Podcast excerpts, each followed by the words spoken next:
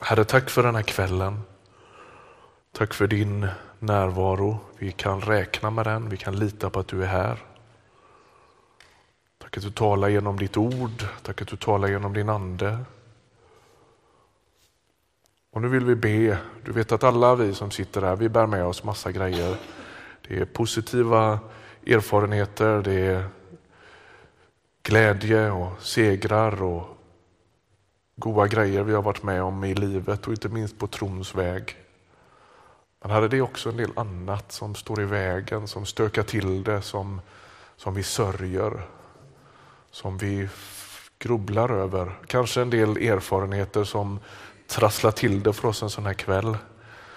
Nu ber vi att du skulle få tala med oss, att du skulle hjälpa oss att liksom lösa en del av de grejerna. Vi ber, att, vi ber som vi ofta ber, vi ber att få vara lite friare att tjäna dig efter en timme här. Vi ber att du skulle hjälpa oss, vi ber att du skulle lösa oss, vi ber att du skulle locka oss in i en närmare efterföljelse, in i en tyd, att du skulle få ta allt större plats i våra liv. Låt det bli så. Herre, Vi lämnar den här stunden i din hand. Vi vill tänka att vi sitter inför dig, inför dina, vid dina fötter och vi ber att du ska dela ditt hjärta med oss, att du ska hjälpa oss. Tack att du hör bön. Amen. Eh, jag tänker så här, en del av er har kanske möjligen, om du har varit med här eller i någon annan kyrka under en längre tid, eh, stött på ett material som heter smittande tro. Det finns ett studiematerial som man använt till lite kursform och här i kyrkan vet jag att det har använts förr. Vi har inte gjort det nu på ett tag, men så. Det finns också en bok som kom på HFs förlag så där för en 15 år sedan ungefär, lite mer, som heter samma sak, Den smittande tron. Eh, skriven av ett gäng, en man som heter Mark Mittelberg och Bill Hybels och båda två finns i Willow Creek-sammanhanget i Chicago, USA. Eh, det är alltid så med importerade idéer att man får sålla lite, men jag tycker att det finns väldigt mycket som är bra i den här. Och en, del av det, en stor del av det vi ska prata om idag har jag hämtat härifrån. Men om det är så att du har gått en sån kurs så tror jag ändå att du kommer att... Ja, jag hoppas att vi ska liksom knåda in det i det sammanhang som vi finns i. Men det är ett litet lästips. Om du får tag på den här boken så tycker jag att det är ett alldeles utmärkt hjälp för det vi ska prata om idag. Eh, Sist för dig som var med då så var det ju så att jag inledde lite då med att prata om att det här med att dela sin tro med andra och att vi, vi använder ett uttryck ibland som vi kallar, för, kallar det för att evangelisera, alltså att, att prata med andra människor om sin tro.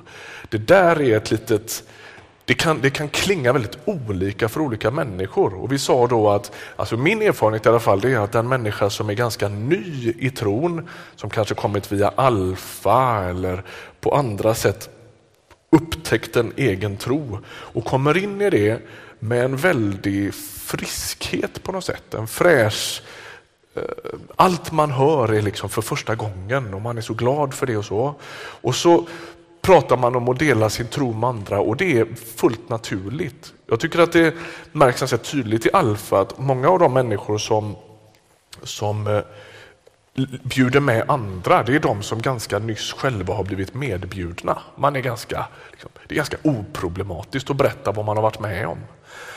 Men för oss som har varit med ett bra tag i kyrkan så kan de här frågorna liksom vara förknippade med en massa andra skumma grejer för en del av oss. Jag ska inte klistra på dig det om du inte har det, men för en del av oss kan det vara så.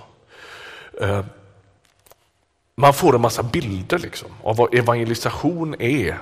Det är gatumöte med gitarr.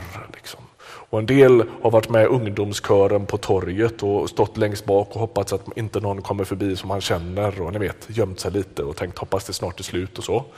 Jag vet inte. En del har varit och gjort fantastiska erfarenheter av det. Så jag vill inte raljera över det, men jag tror att båda finns. Liksom. Båda de här in, liksom, erfarenheterna. Och det där kan vara lite tricky, därför att man behöver ju liksom på något sätt navigera förbi det där och kunna prata om att dela sin tro med andra utan att liksom bära med sig alla de där bilderna. Därför att jag tror att de kan låsa oss. Det är ungefär som när, vi, när en pastor står och eldar och pratar om vikten av att be och läsa Bibeln. Så finns det också en risk att den människa som liksom känner sig lite desillusionerad i det inte riktigt vet vad det är man hör. Utan man liksom ser en massa bilder framför sig. Ni är med på vad jag menar?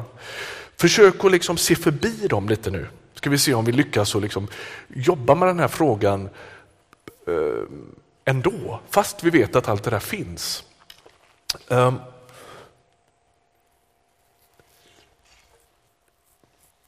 Någon gång under vintras eller när det kan ha varit så hade vi besök här i kyrkan. Vi har det med jämna mellanrum av alla möjliga olika studiebesök och så. Det kan vara allt ifrån fritidsbarnen i källan till gymnasieelever eller, eller i det här, vid det här tillfället så var det teologistuderande från Örebro Missionsskola. Kom de hit och de går i teologiettan. De ska gå fyra år och så pratar jag och Elinor med dem och vi berättar lite om vad som händer här och hur vi tänker och, och lite sådär. Va? Och då är det någon som reser, räcker upp handen och säger, men hur ser ert utåtriktade arbete ut? Och jag fattar ju vad de menar när de frågar så. Men jag blev, liksom, tyckte det var lite kul att få, att få provocera lite i det. Så jag sa, jo, vårt primära utåtriktade arbete, det ser ut så här. Att 940 medlemmar varje morgon sätter sig på en buss eller i en bil eller på en cykel och åker till sitt arbete eller till sin syförening eller till sin skola eller till, till sin idrottsklubb. Det är vårt primära utåtriktade arbete. Och jag fattar ju att hon menar liksom Jesusbussar och alfakurser och alltihopa det där. Va? Men jag tänker att det där är inte oviktigt. Alltså att, att tänka så. Där jag var pastor, där jag var pastor tidigare så la vi upp ett fiktivt program, kyrkprogram på, på väggen med ett tillfälle. Och så visade vi istället för att visa de här klassiska grejerna, ni vet det, ungdomssamling och, och pensionärsträffen och bibelstudiet och bönemötet och så, så skrev vi måndag morgon klockan 7.19 Andreas sätter sig på bussen för att åka till Alsells och köra truck. Eh, Ja, ni vet va. Så listade vi ett antal sådana grejer för att se att men det är det, det, där som är församlingens primära verksamhet, om ni förstår vad jag menar med det. Och med det sagt då, så tänker jag att vi skulle fundera över hur gnuggar man av sig när det gäller sin tro så att andra människor kanske blir lite nyfikna på den. Jag tror att det finns två, börja med att och, och liksom försöka definiera två problem det ena är att jag tänker att när vi har pratat om evangelisation eller att dela sin tro, så historiskt så har vi ibland pratat om den utifrån människor som vi inte känner. Punkt. Alltså, evangelisation det handlar om torget och det handlar om radion och det handlar om vet, planscher och traktater och sådär och kanske att det faktiskt blir ett litet problem för oss därför att vi, vi, vi, vi tror hela tiden att de människor som vi ska försöka betyda någonting för, det är människor som vi inte har någon som helst relation med. Och det blir ju världens uppförsbacke. Eller hur? Så, och, och alla här känner nog inte igen sig i det, men de som är i min ålder och uppåt tror jag kan känna igen sig i viss del i det. Att när vi pratar om att nå nya människor, då är det de vi inte känner. Och Jag säger inte att vi inte ska göra det, men jag tror inte att vi endast ska göra det. Och där tror jag en av våra låsningar har funnits. Ni vet, alltså bilden av eh, dörrknackarna. Va? Jag vet inte, hur många har varit med och knackat dörr? Har ni gjort det någon gång? Kolla, en del har gjort det. Eh, jag har gjort det också. Jag har varit ute och rest i ett evangelistteam i några år. Jag har knackat på mycket dörrar kan jag säga. Eh, och kan ju nu slås av hur konstruerat det mänskliga mötet blir. Alltså jag vet ju själv hur jag reagerar när, det, när någon liksom gör ett intrång i mitt hem. Det absolut värsta jag vet är telefonförsäljare. Eh, och barnen de räcker över luren till mig och säger pappa, var snäll nu. Så va? Eh, och, och, och jag försöker med sån Nix-telefon och allt möjligt för att bara liksom freda mitt hem. Tänker, alltså någonstans måste jag få ha en frizon. Och om någon skulle komma och ring, knacka på min dörr och liksom, du vet, har du, liksom, låt oss säga att det skulle vara en hindu. Eller en muslim kommer med turban och hela köret och liksom, ni vet, knackar på dörren. Tjena, jag undrar om du har läst Koranen någon gång? Alltså, det är inte helt oproblematiskt. Det vill oerhört mycket till att det samtalet ska fästa på. Åtminstone hemma hos mig.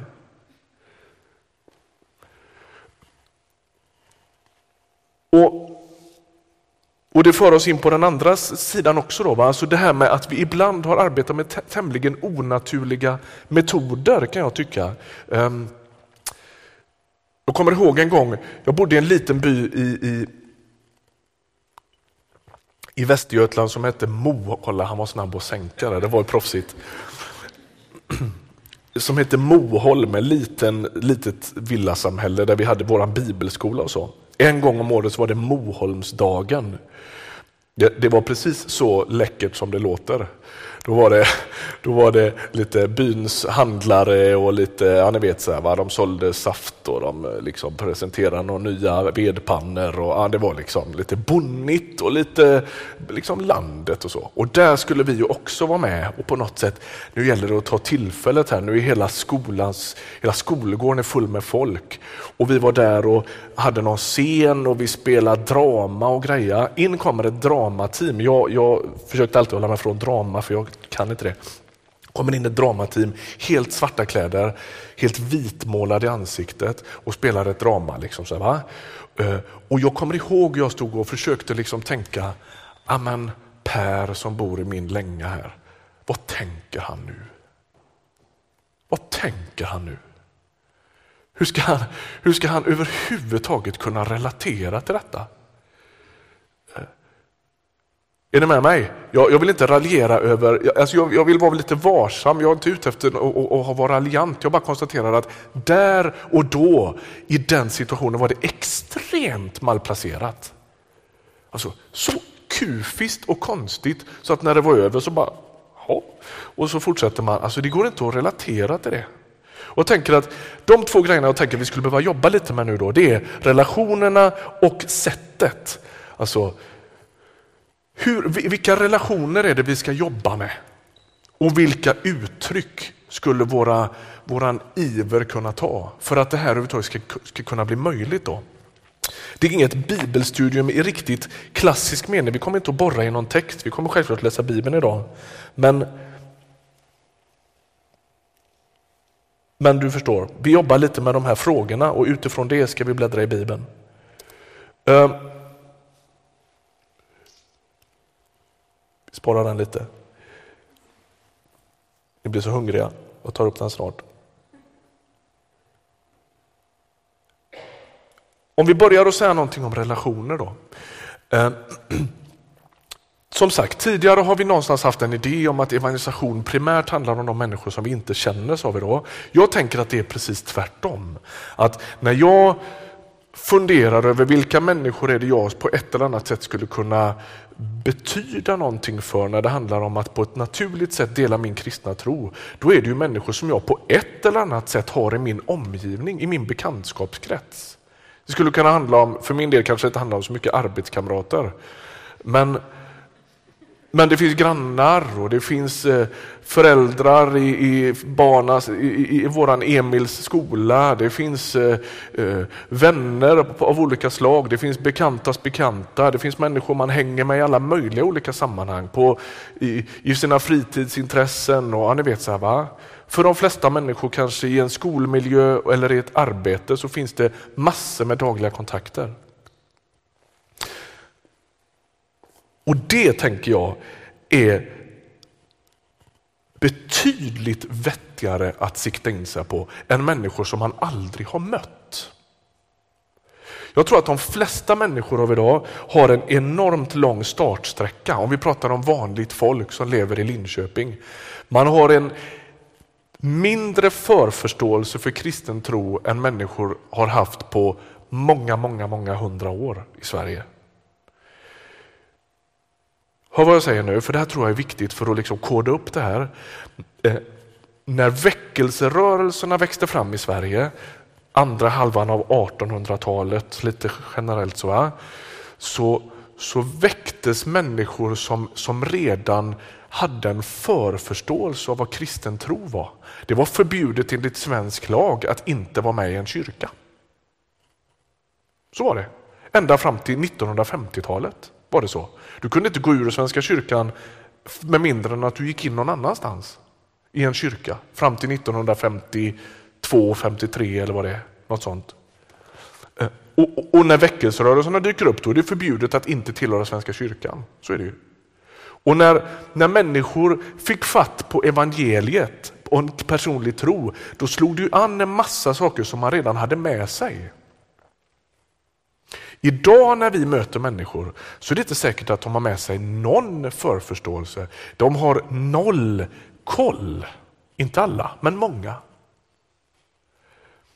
Man har inte, man är inte uppväxt med psalmsång i skolan eller kristendomskunskap. Ni vet alltihopa det där som tidigare generationer har varit. Och Vi skulle kunna förfasa oss över det, men det är ingen större vits, för det är så det här det är.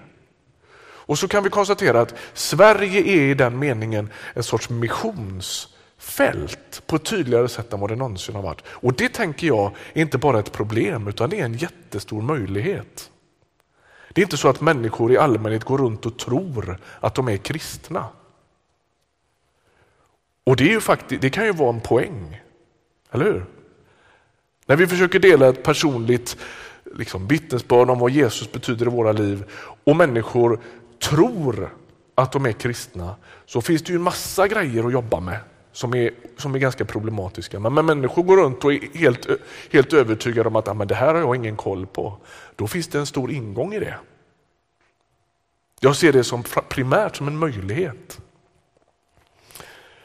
Men det betyder ju att vi måste, vi, måste, vi måste jobba med den här frågan på ett annat sätt. Man kan inte utgå från att folk vet.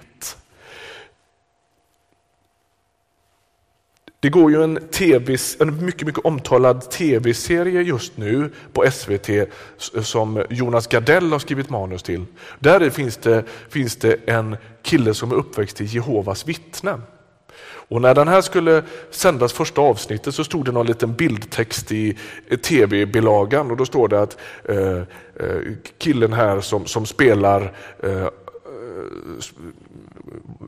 som spelar en, en ung man som är uppväxt i frikyrkan. Så tänker jag, alltså det är ju, i sak är ju inte det sant riktigt. Alltså han är ju inte frikyrkokille, han är ju med i Jehovas vittnen. Men folk bryr sig inte om det. Alltså, man blandar ihop alltihopa det där. Det är liksom samma sak alltihop. Och utifrån det så är det ju intressant hur man då hur man relaterar till detta. Då kan man inte sticka en... Alltså, det blir problematiskt att liksom jobba som om förförståelsen fanns när den inte längre gör det. Förstår ni vad jag är ute efter? Man måste liksom utgå från ett delvis annat läge. Och det behöver inte vara sämre, men det är nytt. Och då skulle jag vilja göra några observationer. då. I den här boken så berättar en av författarna, Mark Mittelberg, om hur han då, trots att han jobbar med de här frågorna och, och liksom försöker att vara lite liksom, tänka lite fräscht och nytt kring sådana här frågor. Hur, hur lätt det är att liksom fastna i ett gammalt sätt att tänka. Han berättar att de ska ha en konsert i sin kyrka. Det är en sorts mix av någon sorts musik och talupplevelse där man får den kristna tron berättad för sig, någon sorts musikal eller något liknande. Då, va? Eh, och så har han biljetter till det där och de som ska följa med de blir sjuka så de kan inte gå. Så han sitter med två biljetter han åker hem i bilen och svänger ner på sin gata. Då kommer en av grannarna gående tillsammans med sin flickvän. Och så vevar han ner rutan och så säger han, Hörru, jag har två biljetter till våran musikal i kyrkan ikväll. Du kanske skulle följa med? Och varpå han står och skruvar på sig lite den här grannen och han skrapar lite med foten och sa, nah, jag är nog inte riktigt redo för det, men vi kanske skulle kunna ta och grilla någon kväll. Och då myntar de det uttrycket och säger grilla först. Alltså det måste ju inte vara grilla, det kan ju vara fika eller vad, gör vad du vill. Det är ett fritt land. Men, men, men du fattar grejen. Alltså bygg relation. Människor har en lång startsträcka. Man kan inte... Ibland när vi, ibland när vi säger att det måste vara det världens enklaste sak att komma på en alfakurs. I vår värld, med våra kyrkglasögon, så är det superlåg tröskel. För den som aldrig har satt sin fot i en frikyrka är det ett jättesteg att anmäla sig till tio veckors kurs i kyrkan. Det kanske inte är det första man kommer att tänka på. Man kanske måste grilla rätt mycket innan den frågan kommer upp. Eller hur? Det är det jag menar lite med att resan är längre. Hur kan man tänka om man vill liksom, någonstans vill komma, komma åt den här frågan, att, att, att, få, att få betyda något för någon annan människa på det här sättet? Jag tänker, vi, vi, jag har ingen bild på det, vi, jag tänker så här. Jag, återigen, jag jobbar lite med det som finns i, i boken. då. De pratar om vikten av att upprätta en Andreas-lista.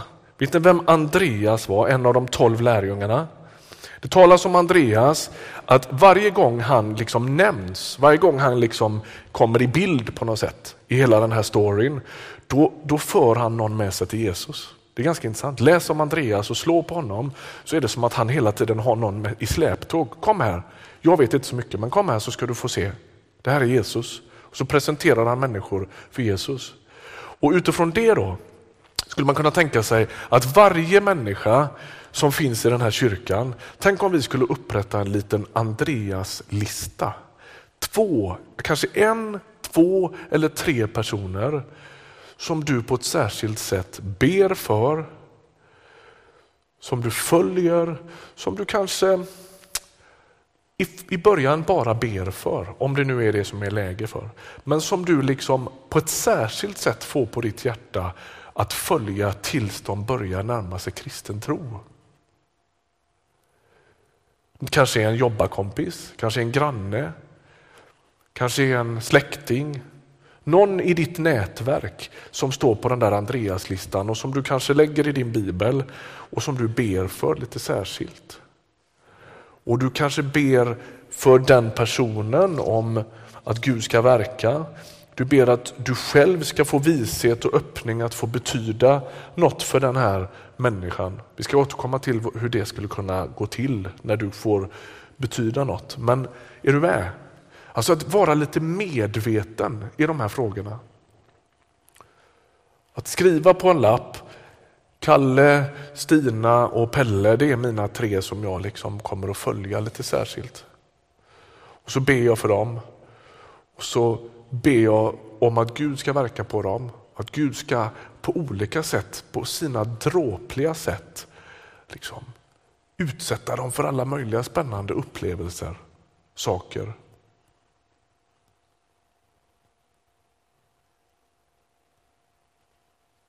Ibland kan jag be för en människa och tänka det, det är inte så att de inte vet, det är inte så att de inte kan eller att de inte förstår, utan de behöver göra en, en ganska tydlig upplevelse eller erfarenhet. Jag tycker att jag allt oftare med om att vanliga sekulära svenskar har gjort samma erfarenhet som man hört talas om ifrån muslimska länder, nämligen att man exempelvis drömmer om Jesus.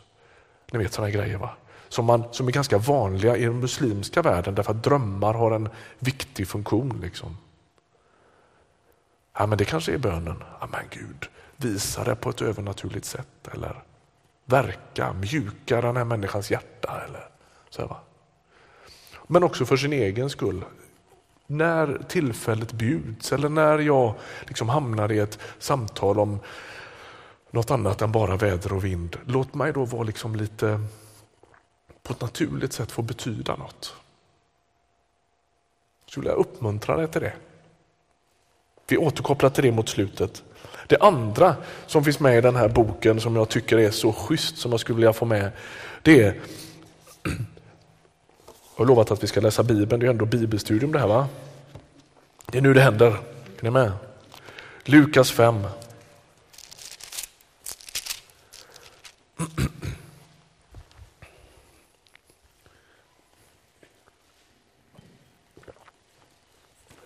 I Lukas 5 så talas det om tullindrivaren Matteus, eller Levi. Det är samma person. Lukas 5 och vers 27. Sen gick Jesus därifrån och fick då se en tullindrivare vid namn Levi sitta utanför tullhuset. Han sa till honom, följ mig. Levi lämnade allt, steg upp och följde honom. Sen står det så här, Levi gav en fest för Jesus i sitt hus och där var en mängd tullindrivare och andra som låg till bords med dem. Men fariseerna och särskilt de skriftlärda bland dem blev förargade och sa till hans lärjungar, hur kan ni äta och dricka tillsammans med tullindrivare och syndare? Jesus svarade, det är inte de friska som behöver läkare utan de sjuka. Jag har inte kommit för att kalla rättfärdiga till omvändelse utan syndare. Matteus eller Levi har mött Jesus.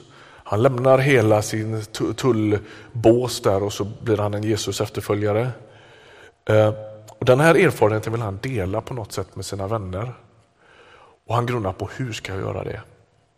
Ska jag ta med mina vänner till eh, templet, be dem få träffa någon rabbin som skulle kunna lägga ut skrifterna och förklara hur trons hemligheter hänger ihop? Nah, det är inte säkert det kommer att funka. Det är dessutom så att mina vänner är tullindrivare, de är inte sådär helt bekväma med religiösa miljöer.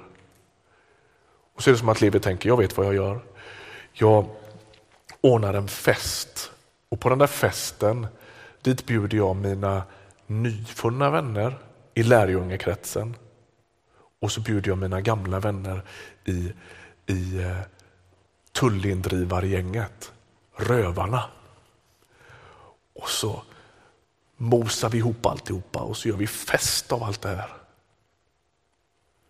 Och det här tänker jag, och det här kallar de i den här boken för att göra en Matteusfest. Och det måste ju inte vara Återigen, det måste ju inte vara mat och fest. Det skulle kunna gå till på hundra olika sätt. kanske handlar det om att spela golf ihop eller att eh, eh, åka och bada ihop eller vad som helst. Men där, där vi motarbetar den här ständiga trenden och tendensen vi har att hålla isär våra olika världar.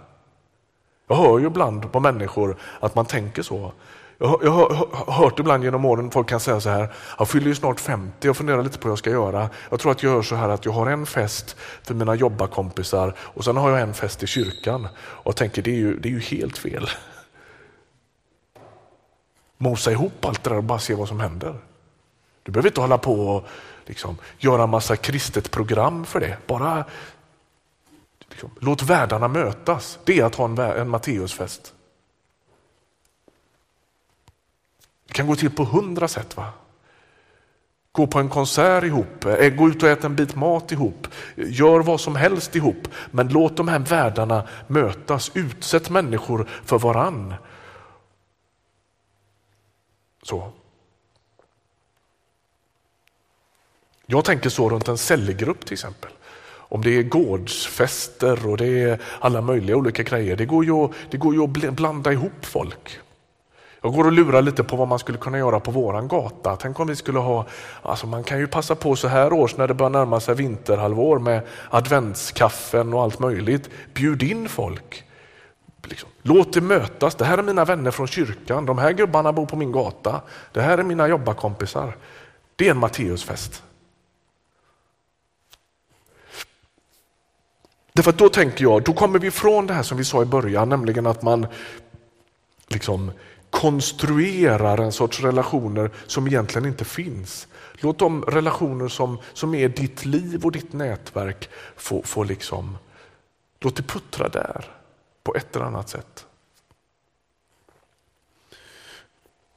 Det kan vara en barnkalas och golfrunder och allt möjligt. Det finns inga gränser. Det om relationerna. Om man då skulle fundera lite över någon sorts stilar så tror jag det är så här, innan vi tar bilden. Även här tror jag att vi har en sorts idé om hur det här ska gå till. En, en människa som evangeliserar eller som delar med sig av sin tro, det, det, den människan är en viss personlighet eller en viss stil och har en viss framtoning. Det där tänker jag att vi måste liksom skaka av oss. Det kan gå till på tusen olika sätt. Jag tänkte nämna sex stycken stilar den första skulle man kunna kalla en sorts konfrontativ stil. Eh, ett exempel på den stilen det är ju Petrus i Apostlagärningarna 2 som så extremt frimodigt kliver fram och predikar inför alla och berättar liksom om vad han har varit med om och han kopplar det direkt till vem Jesus är och så. I andra Timoteus 4 så, så, så, så, finns det en text som skulle kunna beskriva det där. Paulus säger till, till Timoteus här, förkunna ordet, träd upp i tid och otid, vederlägg, tillrättavisa, vädja, tålmodigt och med ständig undervisning. Och Jag tänker att en människa som är bärare av en sån här stil känner sig nog förmodligen ganska trygg i det där med att liksom stå för vem, vad man tror på och, och stå fram inför folk. Man är, inte, man är kanske inte så jätteblyg. Man är ganska frimodig och man kanske i någon mening inte småpratar och pratar runt utan man går rätt så rakt på. En del människor är sådana här. Eh, för många andra är det fullständigt otänkbart. Men en del, jag har träffat en del människor och tänker de är helt otroliga. Vilka sammanhang de än är i, vem, vem de än hänger med, så liksom är de så rakt på. Och Det är så naturligt med tro och liksom, väver in det som har med kyrka och Jesus och alltihopa att göra på ett sätt som bara är helt, och tänker vad, vad, vad hände nu? Hur, hur fick de till det? Så.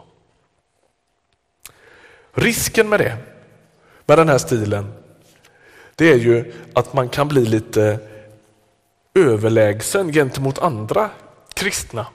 Det är enkelt att dela sin tro, det är bara att göra det, säger den här personen.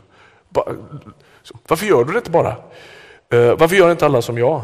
Och tänker att observandum när man är lite konfrontativ i sin stil, det är att vara lite noga med att vara känslig och lite respektfull. Om det finns ett dike att gå i när det gäller den här stilen, då är det att man, att man lätt kanske kör på utan att fråga så mycket om folk egentligen vill höra.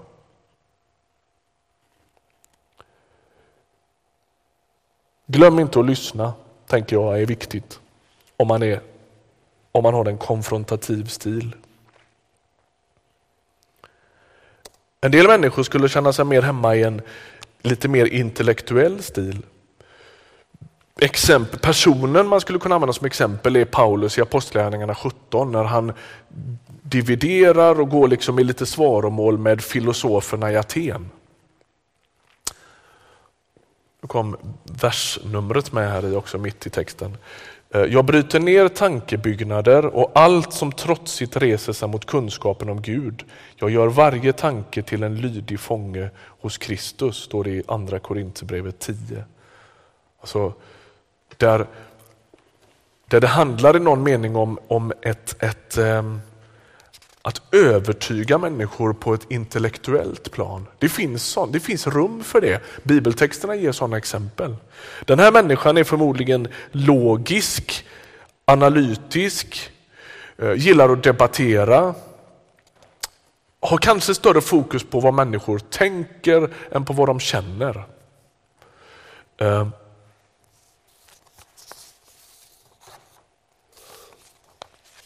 Det är lätt att se styrkorna med det. Ibland så behövs ju, behövs ju den här typen av, av liksom, människor behöver få svar på de stora liksom, intellektuella utmaningarna som har med tron att göra. Jag tänker att en del av er vet vem Stefan Gustafsson är. Han är ju en typisk person som passar här. En apologet och skärpt och, och analytisk och pratar alltid om tron i, i väldigt logiska termer. Liksom.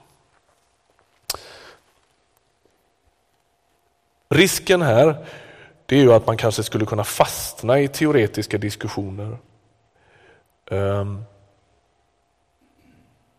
det skulle kunna vara så att man frestas att bara bli den som vinner diskussioner. Vilket sällan är liksom värde i sig självt. Så. Det finns en text i första Petrus 3 som kan vara av värde om man jobbar med den här liksom, framtoningen.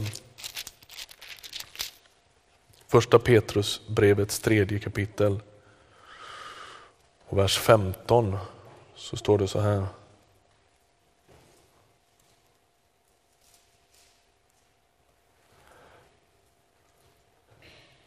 Petrus som skriver då, Herren Kristus ska ni hålla helig i era hjärtan. Var alltid beredda att svara var och en som kräver besked om ert hopp. Men gör det ödmjukt och respektfullt i medvetande om er goda sak så att de som talar illa om ert fromma liv i Kristus får skämmas för sitt förtal. Bättre lida för goda gärningar om det är Guds vilja än för onda. Han säger att det bör ske ödmjukt och respektfullt. Och Det kan vara viktigt kanske för en sån här personlighet att läsa det.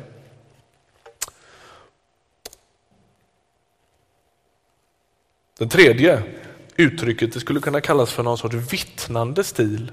Det finns en berättelse om den blinde mannen i Johannes kapitel 9.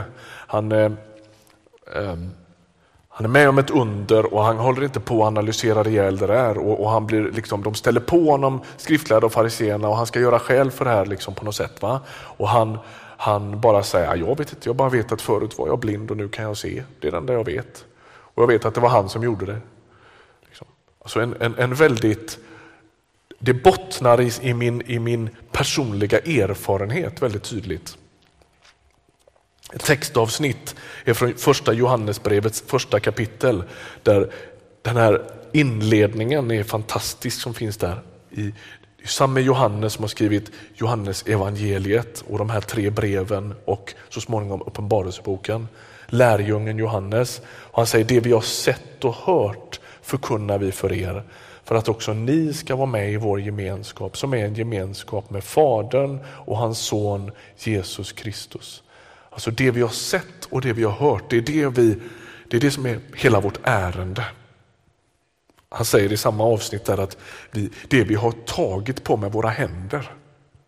Alltså, det här är en, en personlig erfarenhet vi har gjort.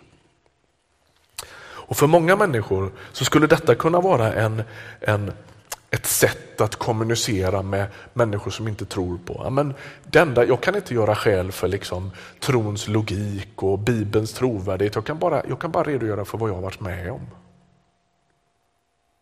Eller om jag inte bara kan det så är det åtminstone det som jag hämtar min, min liksom näring ur på något sätt. Va? Jag berättar om vad jag har varit med om.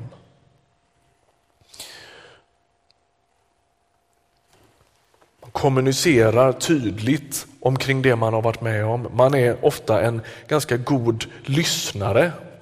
Man är öppen med sitt eget liv, med både sina med och sina motgångar. Ganska generös på ett sätt med det. Man är överväldigad över sin egen erfarenhet av, av hur Gud har mött den. En del människor som har gått på alfa och liksom får tillfälle att berätta, de, de, de, de stämmer väl in i en sån här beskrivning. Ja, men jag måste bara berätta vad jag var med om. Så. Man bryggar lätt med andras erfarenheter och säger men du vet det där var ju som, nej det har jag varit med om också. Sådär, va? Och så hämtar hela liksom, det här samtalet sin näring ur min egen erfarenhet. Så. Det är ju väldigt lätt att se värdet med det. Det är svårt att, det är svårt att av pollettera eller liksom fnysa åt någon som berättar om något man själv har varit med om. Det är inget man bara har läst i en bok eller du vet så här, utan man har gjort en egen erfarenhet. Det, det fäster väldigt ofta på i en människas liv att oj, ja, men säger du det så. Okay, va? Inte minst i våran tid tänker jag som är väldigt erfarenhetsorienterad. Det som skulle kunna vara lite lurt med det, eh, det är att Det ligger liksom och puttrar lite under ytan att man vill berätta en ganska spektakulär historia. Och det är inte så många som har det. Eh, men trösten det är att de flesta människor är vanliga.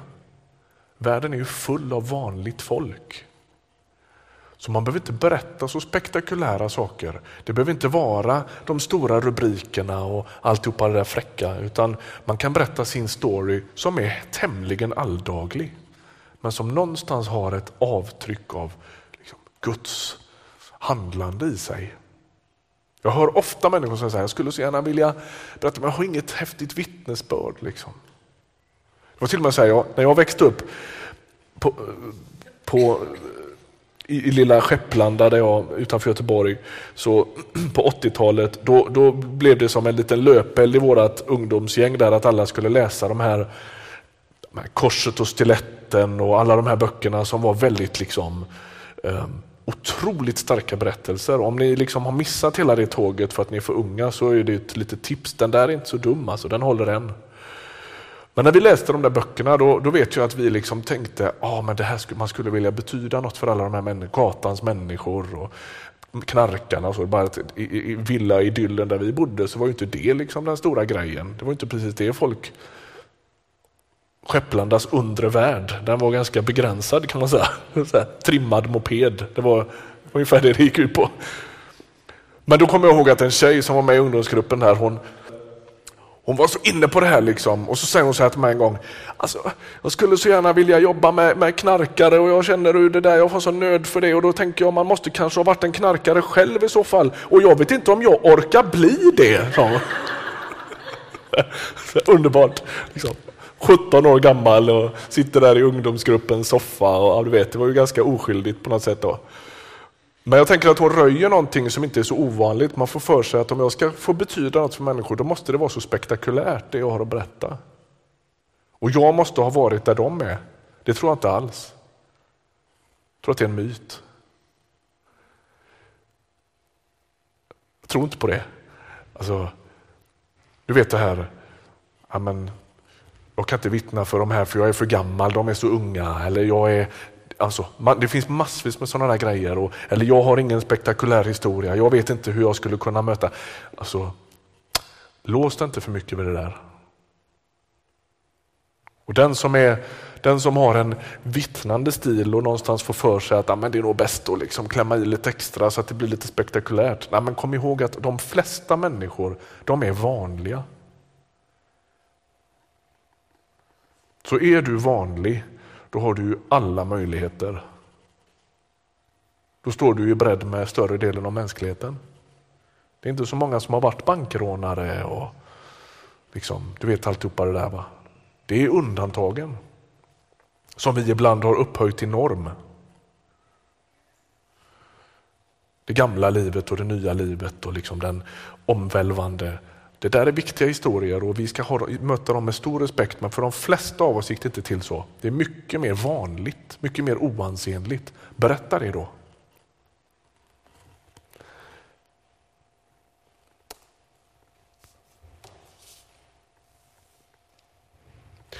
En sorts personlig stil skulle kunna vara nästa. Det är inget bra, ingen bra rubrik, men jag skyller på materialet. Det var inte jag som hittade på det.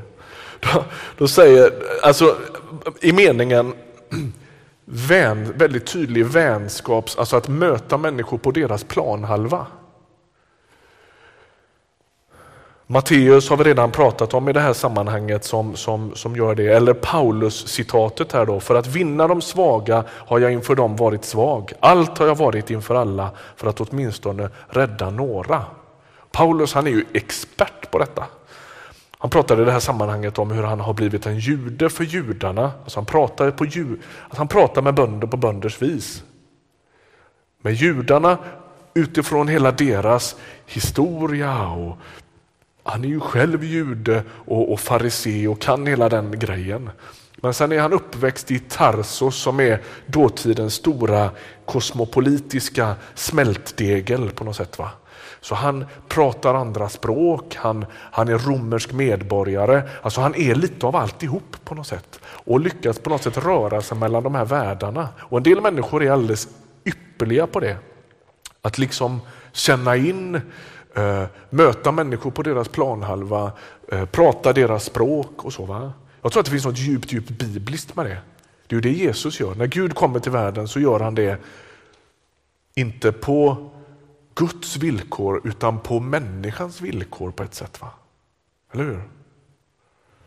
Han pratar ju vanligt språk som finns i den delen av världen där han bor. Han klär sig som dem, han går som dem, han, han, han äter som dem och så vidare. Va? Och samtidigt så är han även i den kontexten hela tiden extremt mottagarorienterad. Jag vet inte om du har tänkt på det någon gång, men Jesus han ger aldrig en enda liknelse från en snickarverkstad. Det borde han ha gjort. Alltså, det borde ligga jättenära till hans. Det är ju hans grej. Guds rike är som en hyvelbänk eller liksom, det är som att dra i en tretum spik i en vägg. Liksom. Varför gör han inte det? Jo, därför att de han talar med är inte snickare. De är fåraherdar och de lagar mat och de sår säd och de, liksom, ni vet va? de betalar skatt. Och han han liksom ger ju stories som är extremt mottagarorienterade. Så det finns ett gott bibliskt stöd för att, för att liksom prata på det sättet. Man är duktig på att skapa samtalsatmosfär, man är varm i sin personlighet, man är väldigt känslig för andra. Vänskapsorienterad och lyhörd. Ehm, det som skulle kunna finnas, och det är jättestarka egenskaper, det som skulle kunna vara ett problem, det är ju att det här, om inte det får liksom hållas under viss, liksom, i lite schack, så är ju det här en kameleont. Eller hur? Man tycker kanske inte alltid någonting utan man liksom är så smooth så att man liksom, det, det skaver ingenstans. Så om det, om det finns något att säga som lite observandum på den här då, så är det ju att ibland så kanske man också måste få säga sanningen och liksom inte vara alltför liksom, inkännande och ni vet va. Det finns alltid en baksida på allt. Det är surt, men så är det. Det finns också en risk att den här personen blir um, utplånar sig själv. Är så rädd för att stöta sig med folk att man inte tycker något eller att man inte liksom, man vågar inte. Nästa, en inbjudande stil.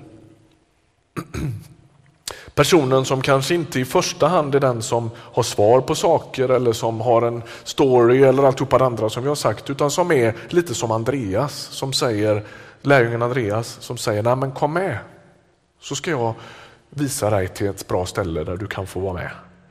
Eh, det står om kvinnan vid brunnen, ni vet hon som, som har haft eh, hon som kommer dit när ingen annan är där och fem män har du haft och den du nu har är inte din man och så. Det står ju om henne när hon har varit med om den här storyn tillsammans med Jesus så går hon in i staden, hon som är så föraktad så att hon är folkskygg och inte där, och liksom, hon är där när ingen annan är där. Hon springer in i stan och så säger hon kom ut så ska ni få se en man som har sagt mig allt jag har gjort. Och hon är inte den som liksom lägger ut texter och grejer, utan hon bara inbjuder. Och det är det här vi liksom någonstans försöker peppa lite då. Um, Texten är ju, då sa mannen till sin tjänare, gå ut på vägarna och stigarna och se till att folk kommer hit så att mitt hus blir fullt. När vi gör exempelvis en kvinnofrukost, eh, Jonas Helgesson-kväll som vi hade i september, konserter, eh, föredrag, lite allt möjligt. Jag tänker att vi skulle kunna göra mer av det och bli lite vassare på det. Men när vi gör sådana grejer så är ju det lite för att ge ett verktyg till de här inbjudarna som kanske inte eh, känner sig helt trygga med bibeldiskussioner och hela den grejen, men som säger men du, du skulle kunna hänga med på en skön frukost här. Det kommer att bli kanon. Välkommen, jag bjuder. Eh. Det kan vara en del av dem som tar med sig sina vänner på, en, på vad som helst, på en gudstjänst, på ett alfa. På, på, jag kan tycka att jag kan se alla de här stilarna i vår kyrka. Att det finns en del människor som väldigt tydligt är bärare av en del av det.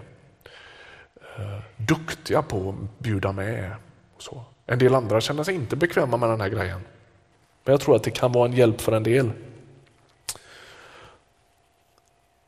Man är välkomnande. Man tycker om att eh, möta nya människor. Ehm, man ser utåtriktade aktiviteter som unika möjligheter. Man är ofta engagerad och överlåten åt det man håller på med. Det är det som gör att en del av dem som liksom håller på med alfa exempelvis blir så tokladdade för det så att en del av er andra ni är så ah, orkar inte höra mer om alfa. Och det beror, det beror ju på att man hittar något som man liksom, kom igen nu, det här är ju kanon. Liksom.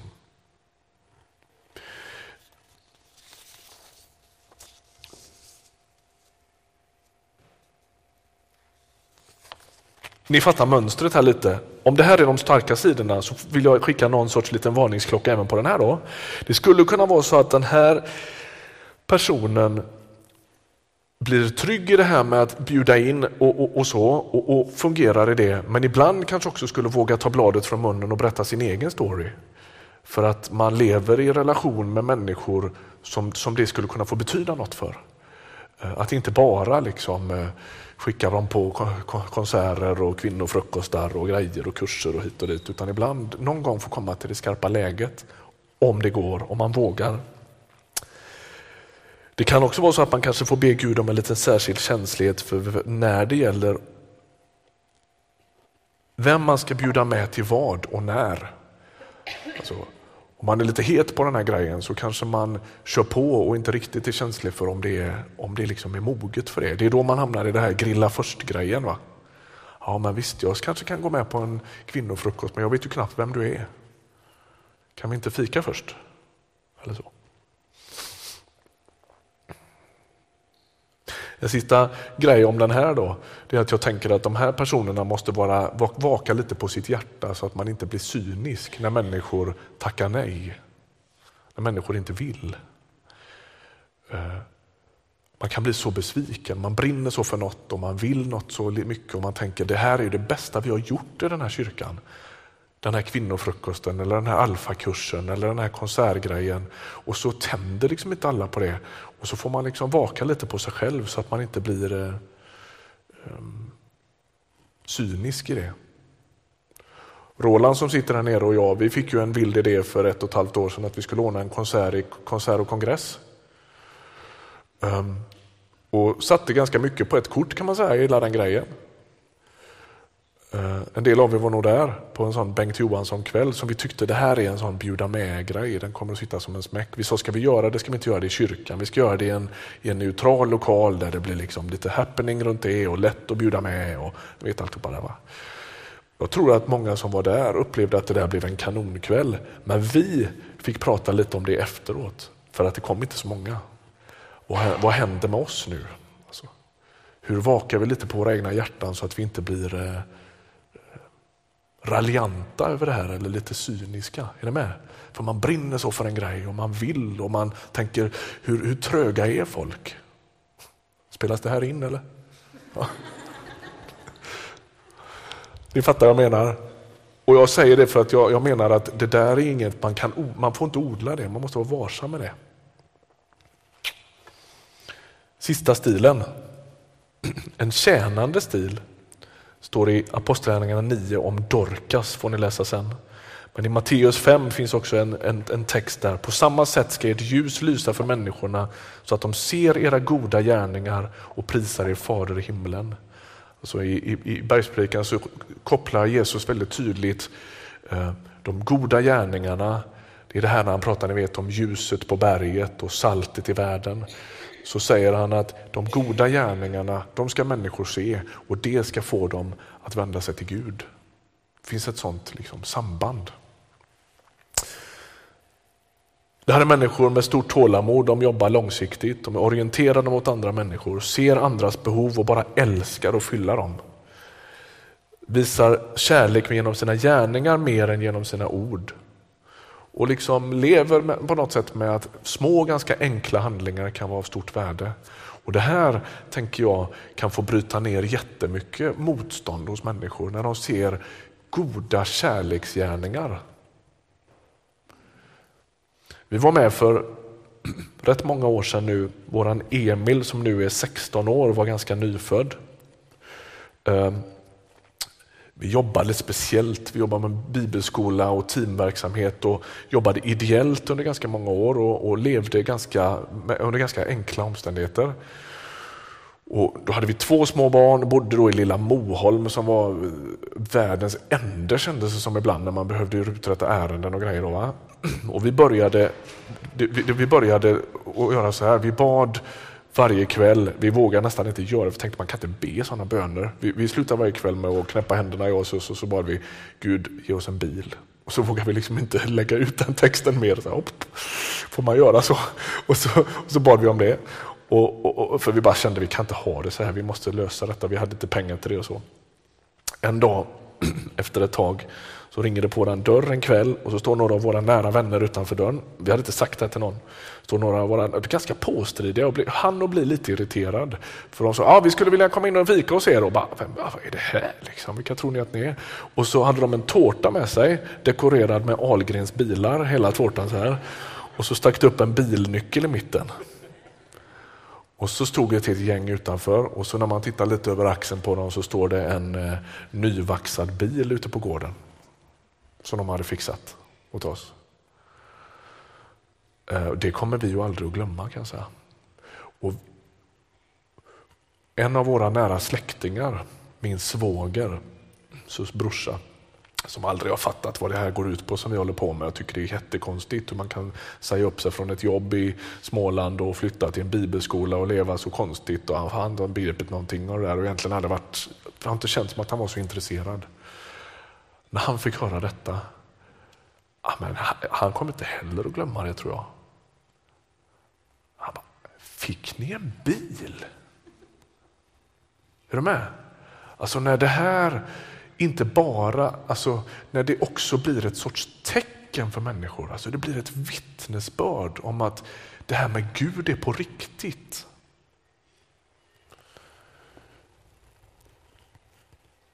Där man kan få betjäna andra människor och göra det med liksom ett sorts värme i tron att Gud verkar i det här.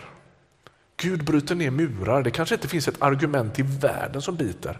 Det finns inte en bibeldiskussion som överhuvudtaget kommer att fästa på. Men det jag kan göra är att jag kan betjäna människor tills murarna liksom vittrar sönder. Förstår du? Vi älskar ihjäl folk. Och en del människor har den gåvan på ett alldeles särskilt sätt, tänker jag. Och jag tänker att det ska kopplas ihop med det här andra som vi har sagt, nämligen att, att det där är inte, står inte för sig självt, utan det handlar om att människor ska få upptäcka vem Jesus är.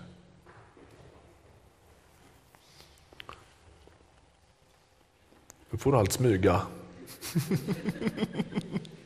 De jagar varandra här uppe, ser jag. Det är bra. V vad är risken med detta då? Jo, men risken skulle kunna vara att, att man tänker så här. Alltså jag tror att det är så här, ord kan inte ersätta handling, men handling kan inte heller alltid ersätta ord. Var ni med på den? Ord kan inte ersätta handling. Alltså, det går inte alltid att prata med människor, sa vi just, utan ibland måste man få liksom, i handling visa vem Gud är.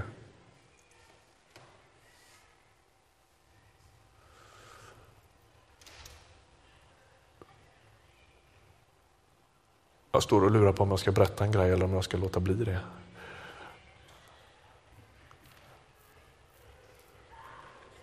Jag tar det en annan gång. Man ska vara lite varsam med vad man säger offentligt så man inte lämnar ut någon. Eh, men handling kan inte heller ersätta ord. Alltså, det går hand i hand. En, en människa som är vass på detta skulle kunna säga att jag predikar genom mina gärningar bara. Och Då tänker jag att observandumet är att ja, men någon gång kanske du kommer i läget när det är, när det är dags att liksom säga något. Är du med? Att någon åtminstone någon gång kopplar ihop det här med din Jesus-tro. Ibland har man hört människor citera, det finns en gammal, ett gammalt, gammalt citat från kyrkans historia. Predika alltid och överallt och om det är nödvändigt använd ord. Alltså, vi, vi, vi predikar med våra liv. Och Det där passar som hand i handske för oss som är lite tafatta i det här med att dela vårt, vår tro med andra. Va? Och tänker att det finns en jätteviktig plats för detta. Men det måste ibland få komma till skarpt läge när man också säger något gott om vem Jesus är. Är ni med på det? Det är liksom baksidan här lite då. Va? Nu ska vi snart gå i mål. Är ni med på vad jag far efter här? Vi, vi, vi, började med att identifiera två grejer som var lite skumma. Det ena är att evangelisation ibland, när vi har tittat på det tillbaka i tiden, har handlat om lite konstlade relationer. Vi bygger relationer som egentligen inte redan finns. Då, Jag säger inte att vi inte ska göra det, men jag tror att det är för snävt att tänka evangelisation på det sättet. Eh, och Det andra vi sa där då, det var att vi ibland har använt lite skumma metoder som kanske, det är inte nödvändigtvis så att det är Jesus som skrämmer bort folk, utan det kan vara vårt knepiga sätt som skrämmer bort folk. Och då behöver vi grunna på om det är smart eller om vi ska använda något annat. Så grunnade vi lite på det där med relationerna, hur man skulle kunna bygga det på något sätt. då. Jag anar att en och annan av er sitter och tänker, det låter som att du säger att vi ska bygga relation med människor i akt och mening med en baktanke att de ska komma till tro på Jesus. Och Det där har vi lite jobbigt med då. Mitt svar är ja. Det menar jag. I meningen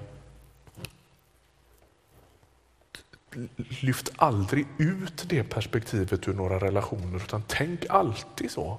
Att hur, hur, skulle jag kunna, hur skulle, hur skulle det kunna skvätta på något sätt på den här människan att jag har med Jesus att göra?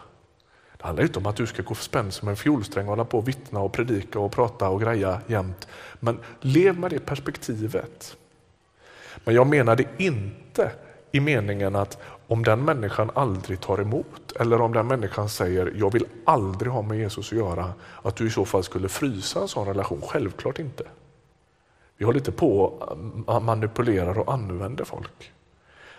Men vi lever med det perspektivet att alla relationer på ett eller annat sätt skulle kunna smaka Guds rike. Och I den meningen tror jag det. Sen var vi inne lite på de här stilarna. Då. Vi, vi sa också då, vi pratade lite om Andreaslistan och vi pratade om Matteusfesten. Nu kommer läxan. Är ni beredda? Det blir läxa idag.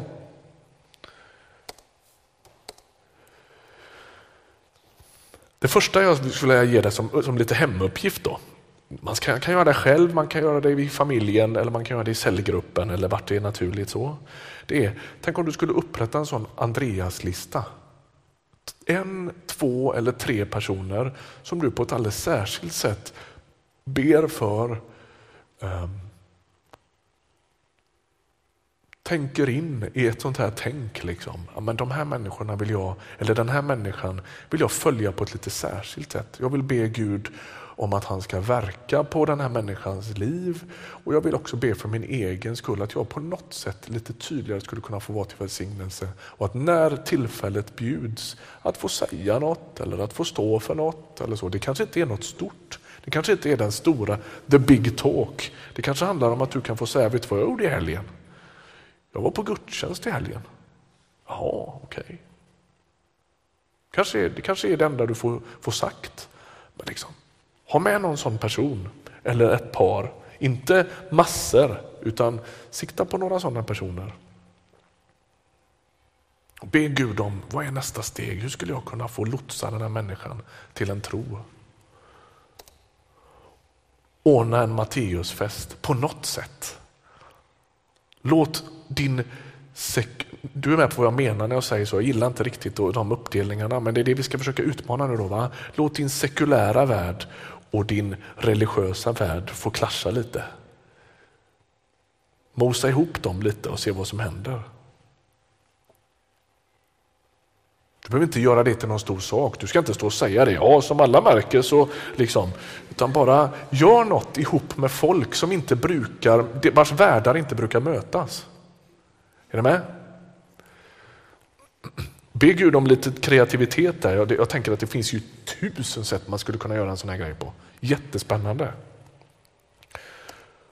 Och det tredje, klura på vilket evangelisationsuttryck utav de där sex som vi nämnde innan då, som stämmer bäst för dig.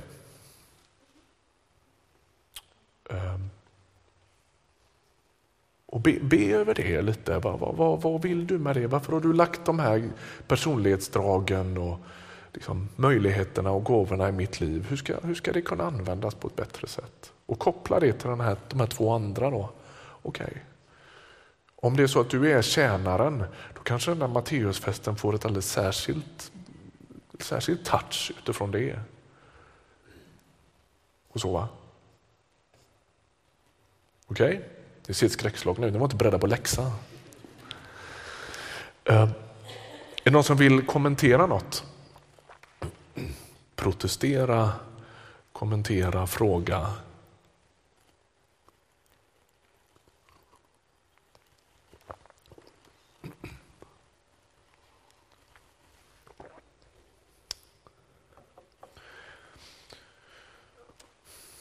Är det, är det, ja, är det, jag är inte ute efter att liksom bli kliad på ryggen. Jag bara undrar, är det, är det till någon hjälp? Är ni med på den där problematiken i början? Kände ni igen den? En del är med på den. Tänker ni att det här hjälper oss att liksom lotsa rätt lite i det? Eller? Det är så snälla, en del nickar. Det är bra. Um. Jag, när jag, när jag liksom återuppväckte det här materialet inför den här kvällen och liksom började bläddra lite i det, tänker jag att det här är faktiskt inte så dumt. Det finns en del sådana här material som jag tycker är ganska dumma, men det här är ganska bra. Så kanske vi ger oss på en lite mer ordentlig sån kurs så småningom om du skulle vara sugen på att hänga på på något sätt, på hur vi nu ska få till det i, i något format. Men vi, vi återkommer om det. Okej, ska vi be en bön? Herre, tack för alla människor som lever i den här stan. Tack att du har satt oss här och vi tror inte det är av en slump eller att det bara handlar om att vi ska äta och sova och tjäna pengar och, och så, utan vi ber, att, vi ber att få vara bärare av något som har med ditt rike att göra. Låt oss få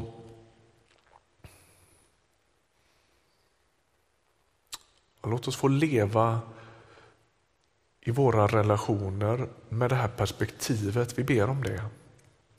Inte på ett överspänt sätt eller på någon sorts eh, så, något som bara skrämmer utan, utan vi ber att få göra det med det mest, som det mest naturliga i världen. Att det här, ingenting har format oss så mycket som tron på dig. Och Vi ber att det skulle få märkas allt tydligare i våra relationer, Både de jättenära och de kanske lite mer ytliga relationerna. Herre, hjälp oss på något sätt att få se hur ditt rike, din vilja, din närvaro får finnas där. Tack att du hör oss när vi ber. Vi ber Jesus att, du skulle få, att vi skulle få fylla den här dopgraven massa gånger de närmaste åren. Därför att du leder oss i att naturligt få gnugga vår tro mot andra människor. Tack att du hör oss. Amen. Amen.